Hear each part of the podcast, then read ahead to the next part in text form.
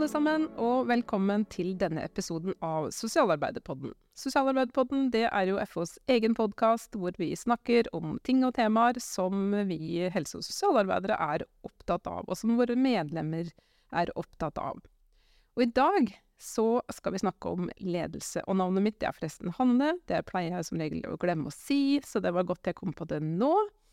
Eh, men det er nå ikke meg denne her episoden her eh, skal handle om, fordi vi skal som sagt eh, snakke om ledelse. Og selv om jeg har vært leder sjøl før, så har jeg fått med meg to av våre FH-medlemmer som er ledere, og som står i krigen, hvis vi skal kalle det det, hver dag og prøver å få til så gode helse- og sosialtjenester som mulig dersom de er.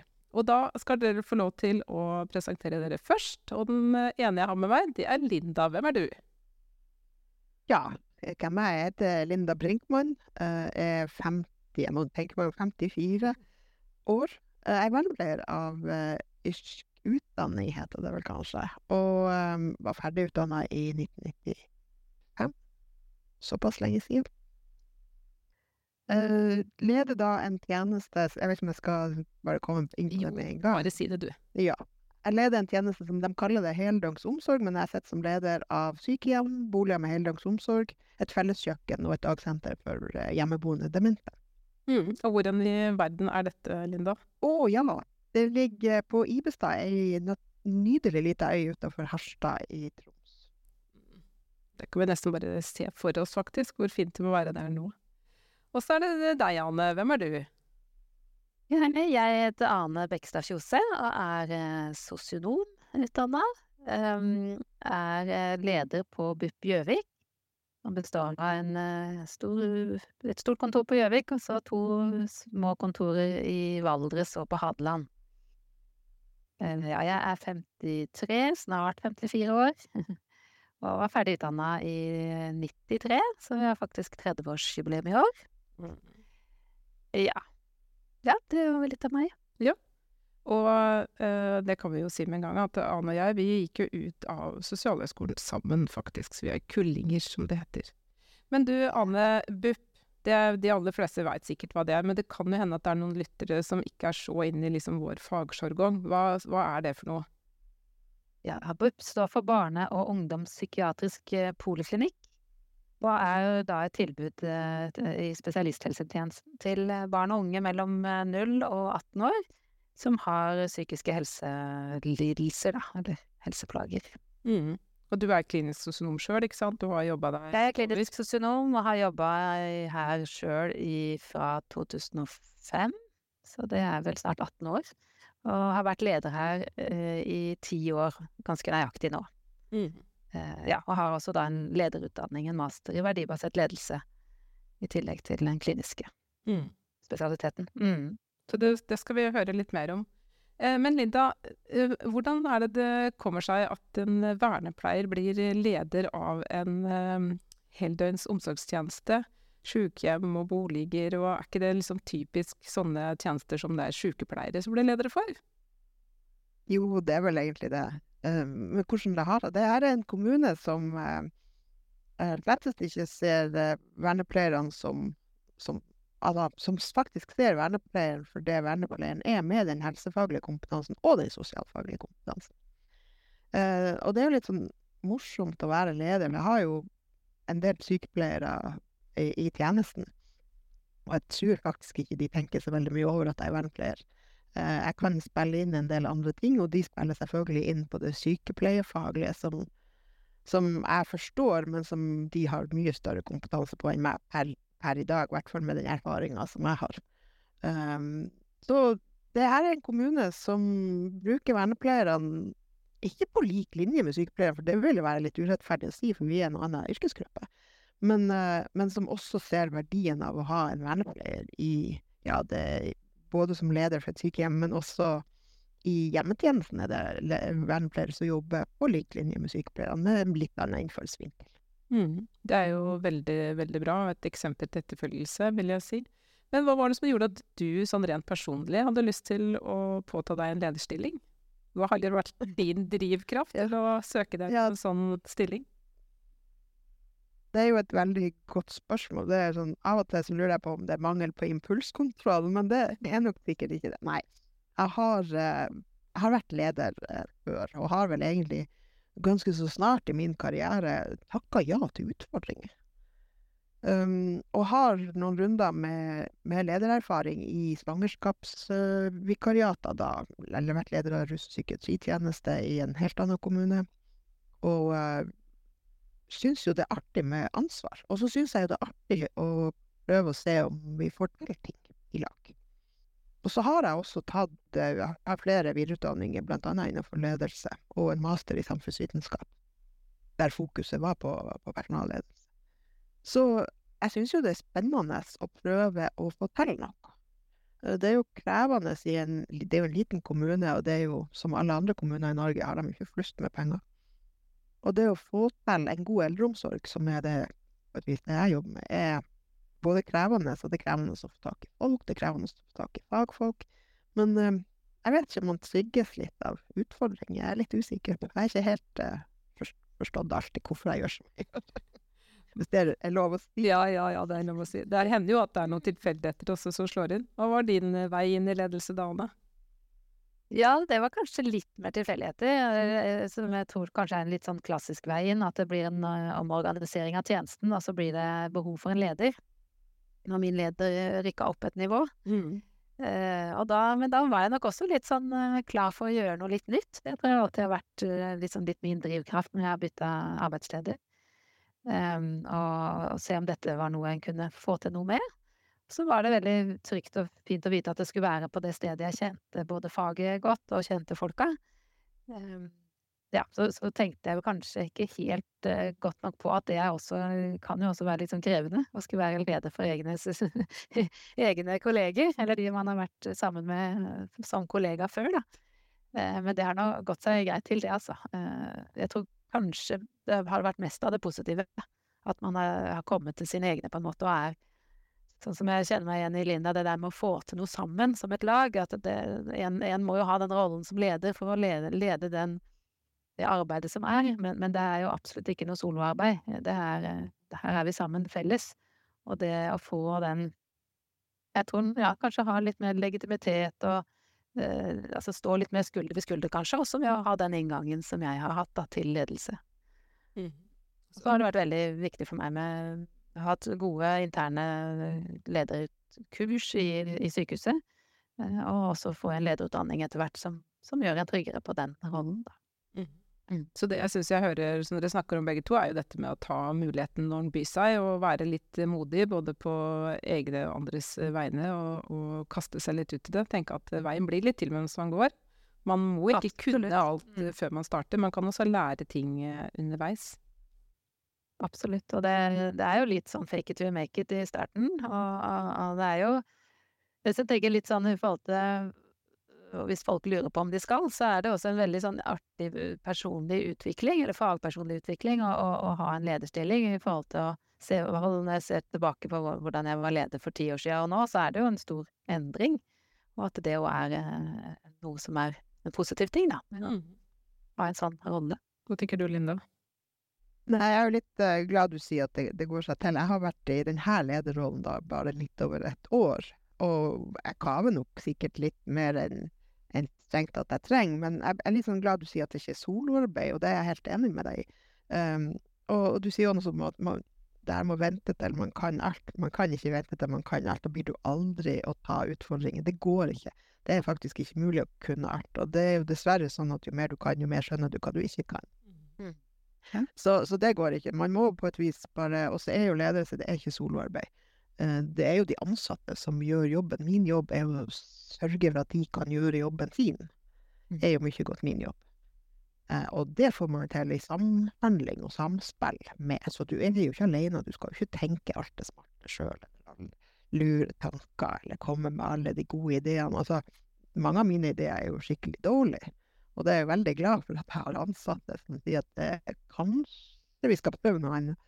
Så ja, kanskje ikke Ja, men, men det er ikke et soloarbeid. Det å være leder er så mye, mye mer enn enn bare å sitte med all viten. For den typen lederen håper jeg det er nesten litt slutt. Mm, ikke sant. Ja. Man er kanskje mer en prosessleder og en Mhm. tilrettelegger Mm. for uh, godt faglig arbeid. Men um, det er jo sikkert mange som sitter og lytter nå som ikke kjenner deres fagfelt sånn veldig godt. Så jeg bare lurer på om dere kan eh, si litt om hvordan ser en, håper en vanlig arbeidsdag ut, eller en arbeidsuke. Altså hvordan ser det ut der dere er, hvem er det dere har rundt dere, hva er det dere faktisk gjør? Det er mange som lurer på det. Vet du, hva gjør disse lederne egentlig? Sitter de bare på møter og drikker kaffe, eller, eller hva er det som skjer egentlig? Ta oss med inn eh, på BUP og inn eh, på sykehjemmet. Ja, det var jo gøy når du sier det, for jeg, jeg også lurte veldig på det når jeg blei ledig. For da hadde jeg jo fulle dager som poliklinikkbehandler, eh, og hadde jo, eh, ja, gikk inn og ut med pasienter og møter rundt det. Så når jeg liksom plutselig ikke skulle ha det med lenger, så skjønte ikke jeg heller helt hva jeg skulle. Jeg hadde jo sett liksom, lederen min på personalmøte en gang i måneden, men jeg hadde ikke fulgt så nøye med heller. Så da hadde jeg et lite eksperiment. Da skulle jeg bare gå på jobben i dag uten at jeg hadde noen faste uh, avtaler i boka, og liksom sette nærmest beina på bordet og se uh, liksom hva skjer. uh, og, og, da skjer det ting, det, det kan jeg si. Så det, nei, da, det er jo, hvis jeg skal begynne med litt hva jeg gjør altså det er jo, Jeg har jo et kontor her på Gjøvik, her er det ca. 35-40 medarbeidere som jeg er leder for. Så da er det selvfølgelig mye spørsmål som har med personalledelse å gjøre, da. Alt fra rekruttering av nye stillinger til sykemeldingsoppfølging til avklaring av juridiske spørsmål. Eh, alt mulig sånt som bare går i full fart, enten på mail eller telefon eller med eh, møter med folk. Eh, og så er det jo det å lede prosesser, føler jeg er en stor del av det jeg gjør. Altså at vi har forskjellige utviklingsprosesser som går i forhold til hvordan vi rigger tjenesten vår. Eh, og da er det jo en leders oppgave, tenker jeg, å legge til rette for å eh, for få disse prosessene til å gå, ha de møtene som trengs for å avklare det som trengs, gjøre oppgaver til neste gang. Eh, Så å sørge liksom for framdrift, da. Det tenker jeg er en jobb jeg bruker en del tid på. Um, Og så er det jo litt sånn ledermøter, både at jeg sitter i et ledermøte hos min avdelingssjef, og, og, og sjøl har en ledergruppe her på av teamlederne våre her. Så reiser jeg litt rundt, for vi har da hatt to andre kontorer som jeg også er leder på. Er med litt i teammøter. Uh, ja. uh, Har også en del pasientkontakt for å gjøre vurderingssamtaler når det trengs. Jeg kan hoppe litt inn, da, dersom det er behov. Ganske Så til variert hverdag. Mm. Ja, det er ganske variert. Veldig variert hverdag, veldig variert hverdag, og det er, så det er ikke liksom en lik uke eller en lik dag, egentlig. Eh, Så fram til i dag, eh, fra jeg er åtte til elleve i dag, så har jeg vel sikkert eh, hatt eh, 20 ting jeg har holdt på med. Altså sånne forespørsler og avklaringer eh, i gangen, eller eh, vi hadde en nyansatt i dag som hadde trøbbel med noe PC, og så må du ordne med det, og så eh, Så, dette her er eh, virkelig en jobb som eh, er for de som ikke som liker liksom å kunne ha mange baller i lufta på en gang, da. Og det syns jeg er veldig gøy. Sånn er det sikkert hos Ja. deg også, tenker Linda. Det er mange baner i lufta. Ja, det er jo det. Eh, min dag starter jo Jeg, jeg liker å være på jobb litt før halv åtte, for jeg deltar på morgenrapporten på den ene plassen. Um, og så har jeg en fagsykepleier som deltar den andre plassen. Så starter jeg alltid med å få en rapport, og det er jo en måte også å treffe personalet på, for min del. Og så er det, som, som Ane sier noe om, det er veldig mye personaladministrering. det er en million spørsmål. Det er alltid fra jeg skal til tannlegen, da kan jeg ja, alle de her type tingene. Og så er det en del prosess eh, her også. Det er oppgaver som skal fordeles, og det er alt ifra planlegging av påsketurnus, maiturnusen, nå er det nå ferieplanlegginga. Eh, nå skal vi planlegge hvordan skal vi lære opp sommervikarene. Alle de her tingene det er jo også min jobb, i tillegg til uh, det her med som er prosesser i kommunen. Det har jo krav på meg til rapportering oppover, og til bl.a. kommunestyreformannskap og sånne type ting også, da. Og jeg har jo fire enheter, så det er jo å prøve å stikke hodet innom alle de plassene i løpet av dagen, eller bare for å få ha si hei at jeg er her. Så det er, som Ane sier, det er utrolig variert, og du er nødt til å like å ha litt sånn ja, er kontrollert kaos, hvis det går an å si. Eh, og det å være leder er sånn, man tror jo, Mange som ikke er ledere, tror jo at uh, leder de kan jo, de bestemmer jo sjøl, og de kan jo gå når de vil og komme når de vil. Uh, for å si det sånn, som leder så er det ikke du som bestemmer dagen din. Det gjør alle de rundt deg. Så jeg bestemte mye mer dagen min når jeg ikke var leder, enn jeg gjør i dag. Men eh, jeg liker det. Jeg syns det er morsomt, det er krevende. Det er eh, Du må forholde deg til alt fra et nøkkelkort som ikke fungerer, til pårørende som står her og kanskje har sine på terminalpleie. Så det er veldig variabel hverdag, for å si det sånn. Mm. Så må liksom like at det, det skjer litt, med andre ord. En annen ting som, er, som jeg vet at dere har til felles, det er at dere leder tverrfaglige fellesskap. Altså dere har medarbeidere som har veldig mange forskjellige typer fagbakgrunner. Um, uh, og så har dere på en måte en, dere har en profesjonsbakgrunn sjøl, men så er dere også ledere da, for andre profesjoner. Uh, og kanskje innafor helse så kan jo det av og til være en, en, utfordring. Kan ikke dere si litt om hvordan dere har liksom sørga for det her å, skape den her legitimiteten uh, som ledere i møte med andre profesjonsgrupper? Ja, jeg kan jo begynne med det, for min del så handler det om å lede eh, leger og psykologer og sosialfaglige og pedagoger. Eh, er vel det som de fire hovedgruppene. Og da både vernepleiere, sosionomer og barnevernspedagoger har vi her. Eh, nei, jeg tror altså, legitimitet i faget, særlig i barne- og ungdomspsykiatri, eh, er jo et veldig eh, systemisk fag. Vi, har, vi jobber etter sånn grunnplanken er en sånn biopsykososial modell. Så alle er, eh, opplever jeg, veldig åpne for at her har alle sine eh, sterke sider og sine viktige innspill å gi. Eh, så vi opplever heldigvis veldig lite profesjonskamp, eller egentlig ingen profesjonskamp. Men jeg tror likevel det har vært viktig å ha en leder med en eh, kjennskap til feltet. Eh, og kanskje da kan man jo spekulere at det er viktigere når det er et sosialfaglig som er leder, enn om det hadde vært en overlege, for eksempel. Eh, men eh, for min del så opplever jeg nok at det, det går bra, også fordi at det er veldig stor respekt for, mellom alle fag, at alle her er viktige for å forstå det komplekse eh, saksfeltet eller fagfeltet vi er i, da, med, med, et barn som strever med sin psykiske helse i en kontekst med en familie, med skole, med barnehage, med kanskje læreutfordringer som PP-tjenester med, med omsorgsutfordringer som barnevernstjenester med. Um, og da, så, sånn sett så glir det veldig greit, da, at vi har forskjellige profesjoner her. Mm. Hvordan det hos dere, Linda? Og her har vi jo ansatte fra alt fra assistenter helt uten fagutdanning til helsefagarbeidere, hjelpe, gamle hjelpepleiere. Jeg sier noe gammel for at hjelpepleierutdanninga er borte. Uh, og jeg har selvfølgelig sykepleiere i tjenesten, og så har jeg også vernepleier. Og kopp. og ja, så det er jo tverrfaglig, kan man si.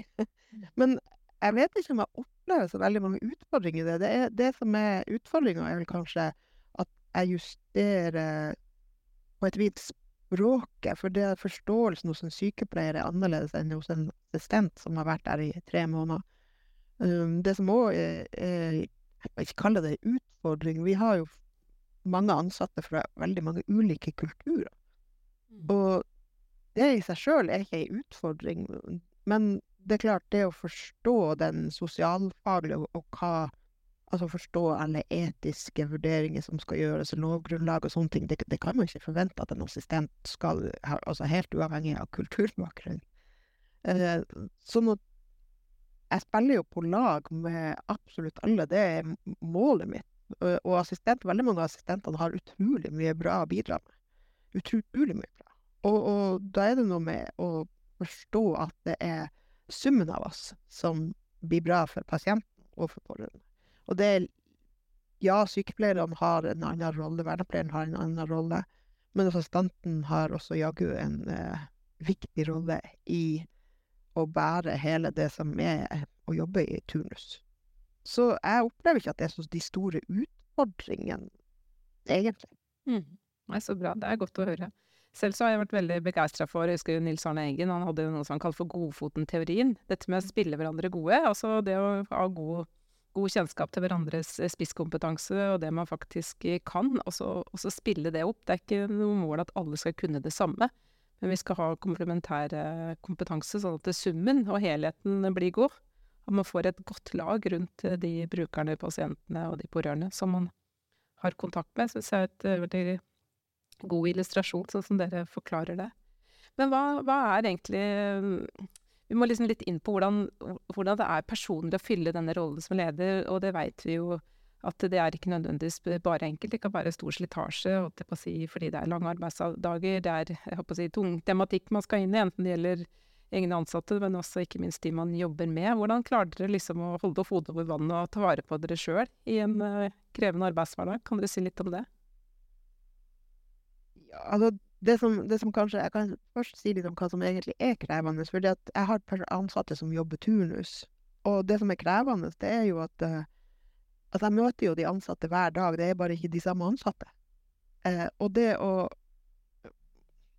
ha oversikt over hvem som har fått informasjon om hva, det er ikke så bare bare i sånn turnusyrker å ha gode rutiner for informasjon, for hvor skal du gjøre det? E-post er ikke alle som må lese, SMS kan ikke skrive alt, på SMS er nå litt begrensa. Uh, beskjedbøker, det blar man jo over, og det er ikke alt som kan stå der. Så det er, det er faktisk litt krevende å få informasjon ut i sånn turnusyrker. Og jeg er jo helt, eh, helt, jeg er veldig glad for at jeg har en helsefaglig uh, utdanning i tillegg til den sosialfaglige, sånn at jeg forstår de prosessene. Men i forhold til hvordan jeg tar vare på meg sjøl som leder, så er det noe med at det er faktisk helt nødvendig at du gjør det. Du kan ikke være påkobla hele døgnet. Det, ikke, det, går ikke. Så jeg leser blant, blant annet uhyre sjelden e-post i helgen. Det må være unntak hvis jeg gjør det. Uh, og så er det noe med Jeg bruker jo naturen. Um, jeg begynte å bade. Faktisk fire uker siden jeg begynte å bade. Når jeg ser ut nå, så snør det litt. Oh, det, veldig, det går veldig kaldt, men det er veldig deilig. Og så det å bruke Jeg har en hund, så jeg må hjem uh, etter x antall timer. Men, men, det å ta vare på seg sjøl som leder Jeg tror vi bruker for lite tid på det. Uh, og hvis ikke vi som ledere klarer å puste, hvordan i all verden skal vi da gi pust til til, de vi leder, til avdelingen som sådan. Så, så, så, vi må koble av. Vi må, selv om det er fristende å lese den e-posten, eller skal bare, som vi ofte sier. Men det her skal bare, summen av skal bare blir veldig, veldig mye. Så du må koble deg helt av. Du må gjøre noe annet. Mm. Og for min del så er det naturen, tur med hund, hengekøya. Det å bade faktisk en gang i uka. Og så er jeg veldig, veldig god på å sitte og se ut av vinduet eller ligge og se i taket. Og det er egentlig en undervurdert aktivitet som anbefales og prøves uansett hvilken jobb du har. Sett deg ned og bare pust. Mm. Du trenger ikke å gjøre noe. Og det tror jeg er viktig for oss ledere, kanskje spesielt. Du spises opp av ting du ikke kan fortelle til noen. Du vet ting om du er ansatte som ingen andre vet.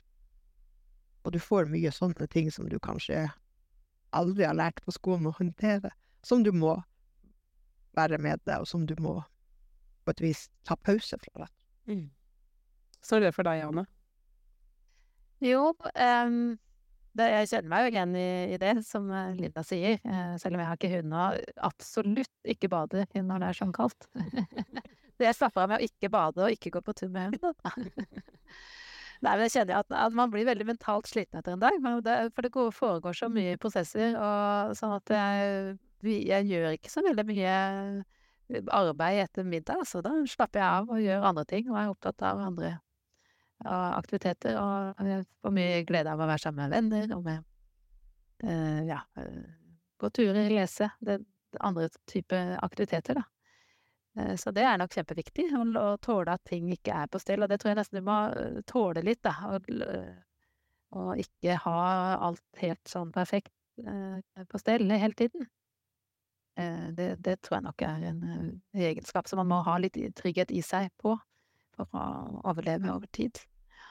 For det, ja, det som jeg kanskje syns er mest uh, utfordrende i jobben nå, det er, det er jo litt ut ifra situasjonen vi er i, med et enormt påtrykk på våre tjenester for barn og unges psykiske helse. Uh, som, som, gjør at vi har altfor lange ventelister. Vi, vi strever liksom med å få gjort det vi skal til riktig tid. Uh, så, og så har vi en arbeidsstokk som er veldig slitne. Og så kan man alltid være sliten og ta i tak en periode, og så veit vi at ja, men til sommeren blir det bra.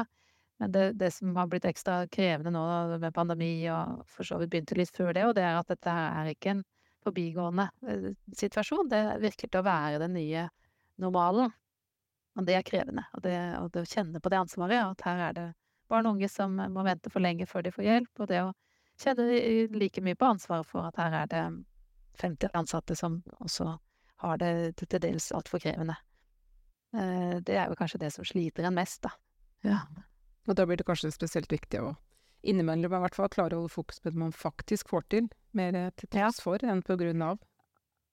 Absolutt, og det prøver vi virkelig. Altså, å tenke hvor mange barn og unge har vi faktisk hjulpet, og, hvor, og hva slags kvalitet gir vi på den hjelpa. Det er vi veldig opptatt av hos oss. At vi skal gi et uh, faglig godt tilbud, og det skal gi mening for å jobbe her. Ikke sant? At eh, vi kan jo Brer man seg for tynt ut i, i, vårt fagfelt, så får man kanskje ikke gjort, gitt en god hjelp. Eh, Og det virker veldig eh, lite tilfredsstillende som fagperson å ikke kunne gi den hjelpa man veit man har muligheten til egentlig, da. Eh, Så det er vi litt opptatt av. At vi må faktisk gi eh, Gå inn i dette med, med å ha, ha noe eh, kvalitet, og som da bruker mye ressurs, for at vi skal kjenne at dette gir mening, at vi faktisk får hjulpet noen. Jeg, Mm. jeg kjenner meg jo ganske mye igjen i det du sier, Anne. For det at det Det å sette med ansvar i forhold til Det er jo en bitte liten kommune her, det er bare 1200 innbyggere. Og en eldreomsorg der jeg skulle så ønske at vi hadde flere sykehjemsplasser. Jeg skulle ønske jeg kunne ha masse personell å velge i. Man har jo ikke det i en liten kommune. Og det hele tida sette, sette de grensene for hvem som på et vis får plass, hvem som ikke får plass. Og er det fullt, så er det faktisk fullt. Og dessverre må vi kjøre med dobbeltrom av og til. Og det, det er ganske krevende. Og det er krevende for de ansatte, men det er også krevende å være leder i det. Og klart i en liten kommune der alle kjenner alle, og mange ting ofte havner på Facebook, i stedet for kanskje i en større by der det ikke havner på Facebook, så, så, så kan det Der er jo en del krevende eh, ting, og det, og det er krevende for pårørende. Det er krevende for de der ute også, selvfølgelig. Men, men du sa noe som, som jeg beit meg merke i, som jeg syns er kjempeviktig, det her å tåle at ikke alt er på stell. Og det må du lære deg som leder. Du må, og så må, må du også lære deg når det er godt nok. Mm. For at du kan ikke gjøre det perfekt hele tida. Det er faktisk ikke mulig. Du må, du må lære deg. Den e-posten er godt nok skrevet. Det, det, det vedtaket er godt nok. Den samtalen med den ansatte ble god nok. Og de her tingene tror jeg nok kan være vanskelig for mange av oss å, å lære. Og, og lærer du ikke det, så tror jeg at du går litt i kne. Jeg er helt enig i det. Og det vi ser jo det samme med våre ansatte, ikke sant. At hva er det som er godt nok? Hva er det som er god, nok dokumentasjon? Hva er det som er eh, god nok behandling? Eh, så, så, og det er kanskje noe av det vanskeligste den gjør, syns jeg. Da. Det er jo nettopp å gå inn i det faglige til, eh, som skjer, og si at dette her må vi begrense. Altså vi må ikke gjøre det så bra. Eh, det er en eh, veldig vanskelig øvelse, for da, da står det på kanten til å nettopp eh, mangle, eller miste på en måte eh, meningen og motivasjonen med å jobbe her. Og det er jo et stort tema for oss, ikke sant, dette med rekruttering og beholde eh, flinke ansatte og, rekruttere de. Eh, og hva er det vi rekrutterer det til? Det må jo være til det faget de er toppmotivert eh, å utføre, som, som jeg opplever, da, ikke sant, at en, en leders jobb er kanskje ikke å, å skape motivasjon hos folk, men det er å beholde den motivasjonen de allerede har når de kommer. Eh, De har utdanna seg i mange år og har veldig engasjement for faget. Så hvordan de klarer å opprettholde det, da, det er jo også en viktig lederjobb. Og det er klart, det er, det er ekstremt krevende. Og, og vi, kan, vi kan jo ikke si at vi skal gi dårligere tjenester, men det er begrensa ressurser. Det er begrensa ressurser overalt. Og man må på et eller annet vis stoppe.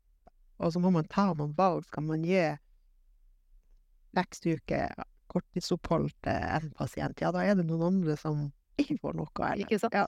Og, og det samme vil jeg jo tro gjelder hos dere, det her med å, å si at ok, dette må faktisk være godt nok, for det står 100 stykker og venter.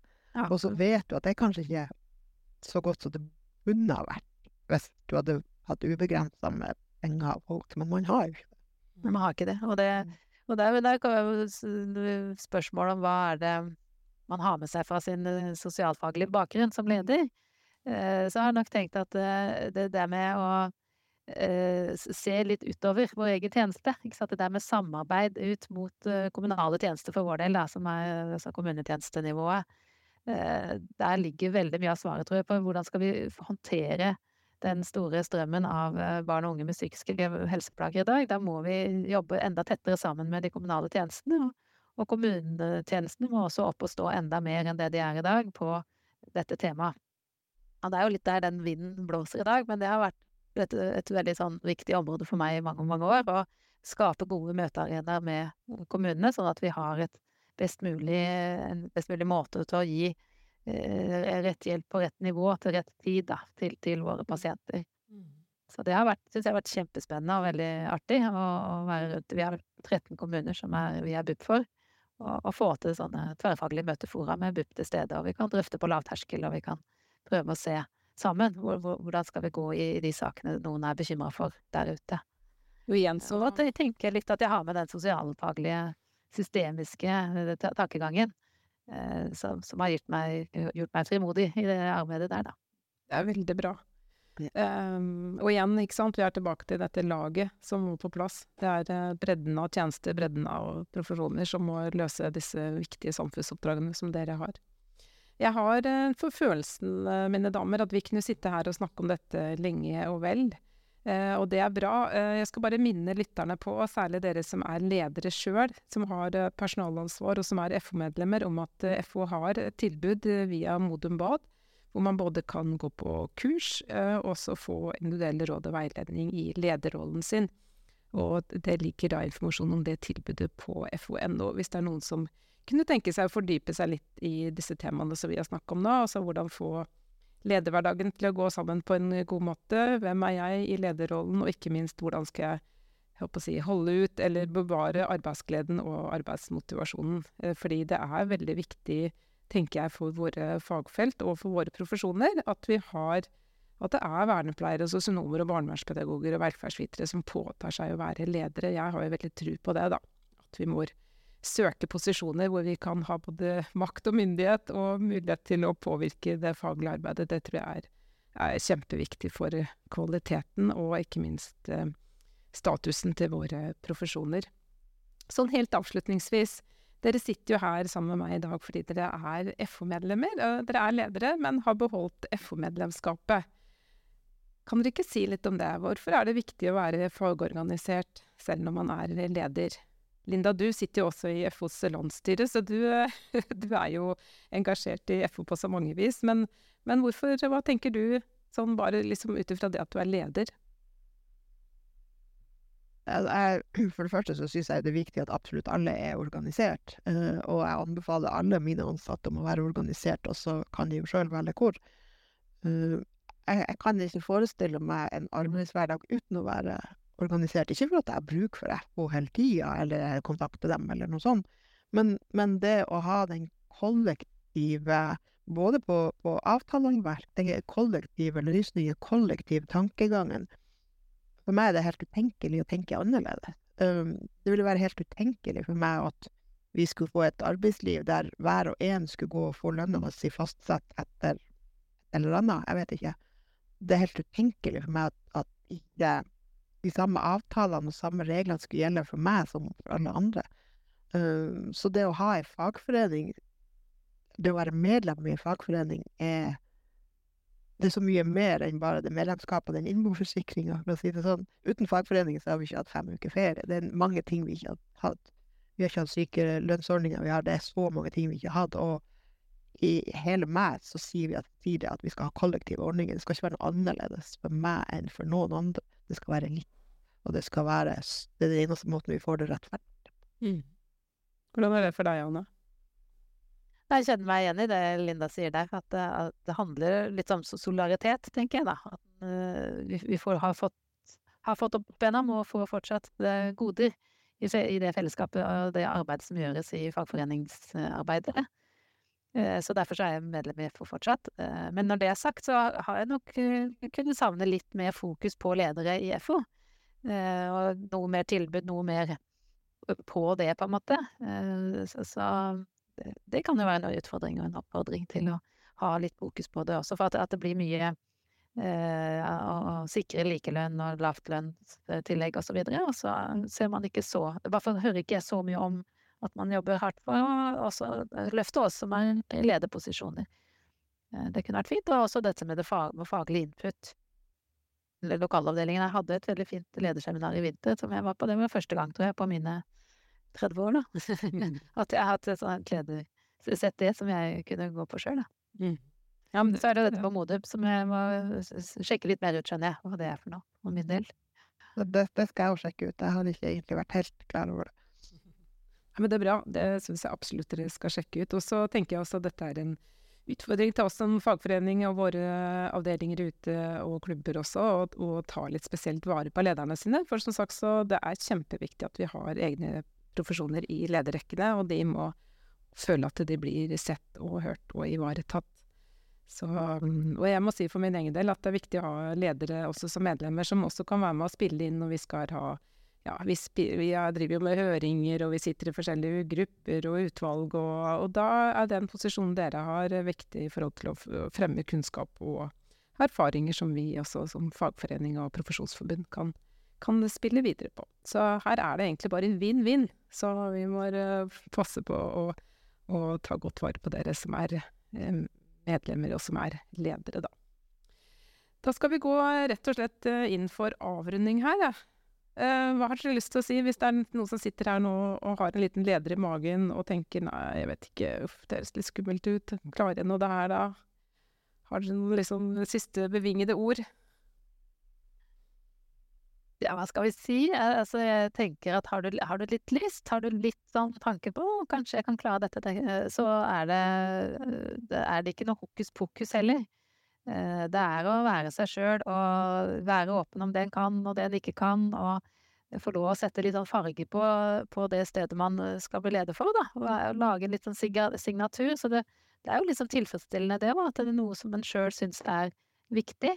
Eh, for eksempel i personaloppfølgingen eller i, samarbeid eller hva det måtte være, så, så, har man en sjanse til å få det litt mer på, på agendaen da, når man har lederposisjon sjøl.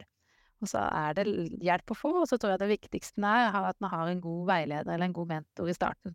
Så man kommer, så man har godt tilgjengelig ressurs til å spørre og reflektere. Mm. Min erfaring er at det å lære ledelse, det, det gjøres aller best i refleksjon om det, rundt det som skjer. Eh, for å få fram forskjellige eh, perspektiver og hvordan man kan tenke og hva man ikke kan tenke. Mm sammen med noen som kjenner litt fra før, det har jeg hatt hvert fall veldig, veldig god hjelp av. Du da, Linda? Hva kjør på. Si? Nei, jeg tenker litt som Ana. Altså, har du lyst, ja, prøv. Eh, du er ikke alene. Du, jo, du skal jo lede noen som kan faget, og som kan jobben. Uh, og jobben din er jo å få dem til å gjøre det på best mulig måte. Og jeg tenker ledelse er også et eget fag, og det er også litt viktig å si. Det, det, det kan være krevende å gå fra, fra fagperson og så skal begynne å lede de du kanskje har vært eh, kollega med. Det har ikke jeg gjort i noe særlig grad, så jeg har hoppa inn i helt ukjente plasser. Det har også vært fordeler med det. Men det å være leder er du, du får jo lov å påvirke den tjenesten du sitter som leder for. Det betyr ikke at du får alt sånn som du vil, på ingen måte. Men, men samtidig så får du muligheten til å prøve det, og, og se får du folk til å trekke samme vei, får du dette til å bli bra, hva, og ikke minst det å kunne hente ut fra de ansatte. Nå hørtes det litt sånn teknisk ut, men det å få de ansatte til å spille hverandre god. Men du må like folk. Mm. Det, det, det må du. Mm. Det er, ja, jeg er helt enig. Du er være veldig glad i folk. Ja, det, det jeg er enig i, jeg også. Det er nok en eh, klar fordel i våre bransjer å være glad i folk. Men tusen takk til Linda og til Ane for det dere har delt uh, fra deres arbeidshverdag som ledere. Det har vært veldig verdifullt. Tusen takk til dere som har lytta på denne episoden av Sosialarbeiderpodden. Vi kommer jo stadig vekk med nye episoder om dette og hint, så følg oss gjerne på Spotify eller der som du vanligvis eh, hører på podkast. Så da, inntil vi høres igjen, så sier jeg riktig god dag og en god uke og en god sommer til oss alle. Ha det godt!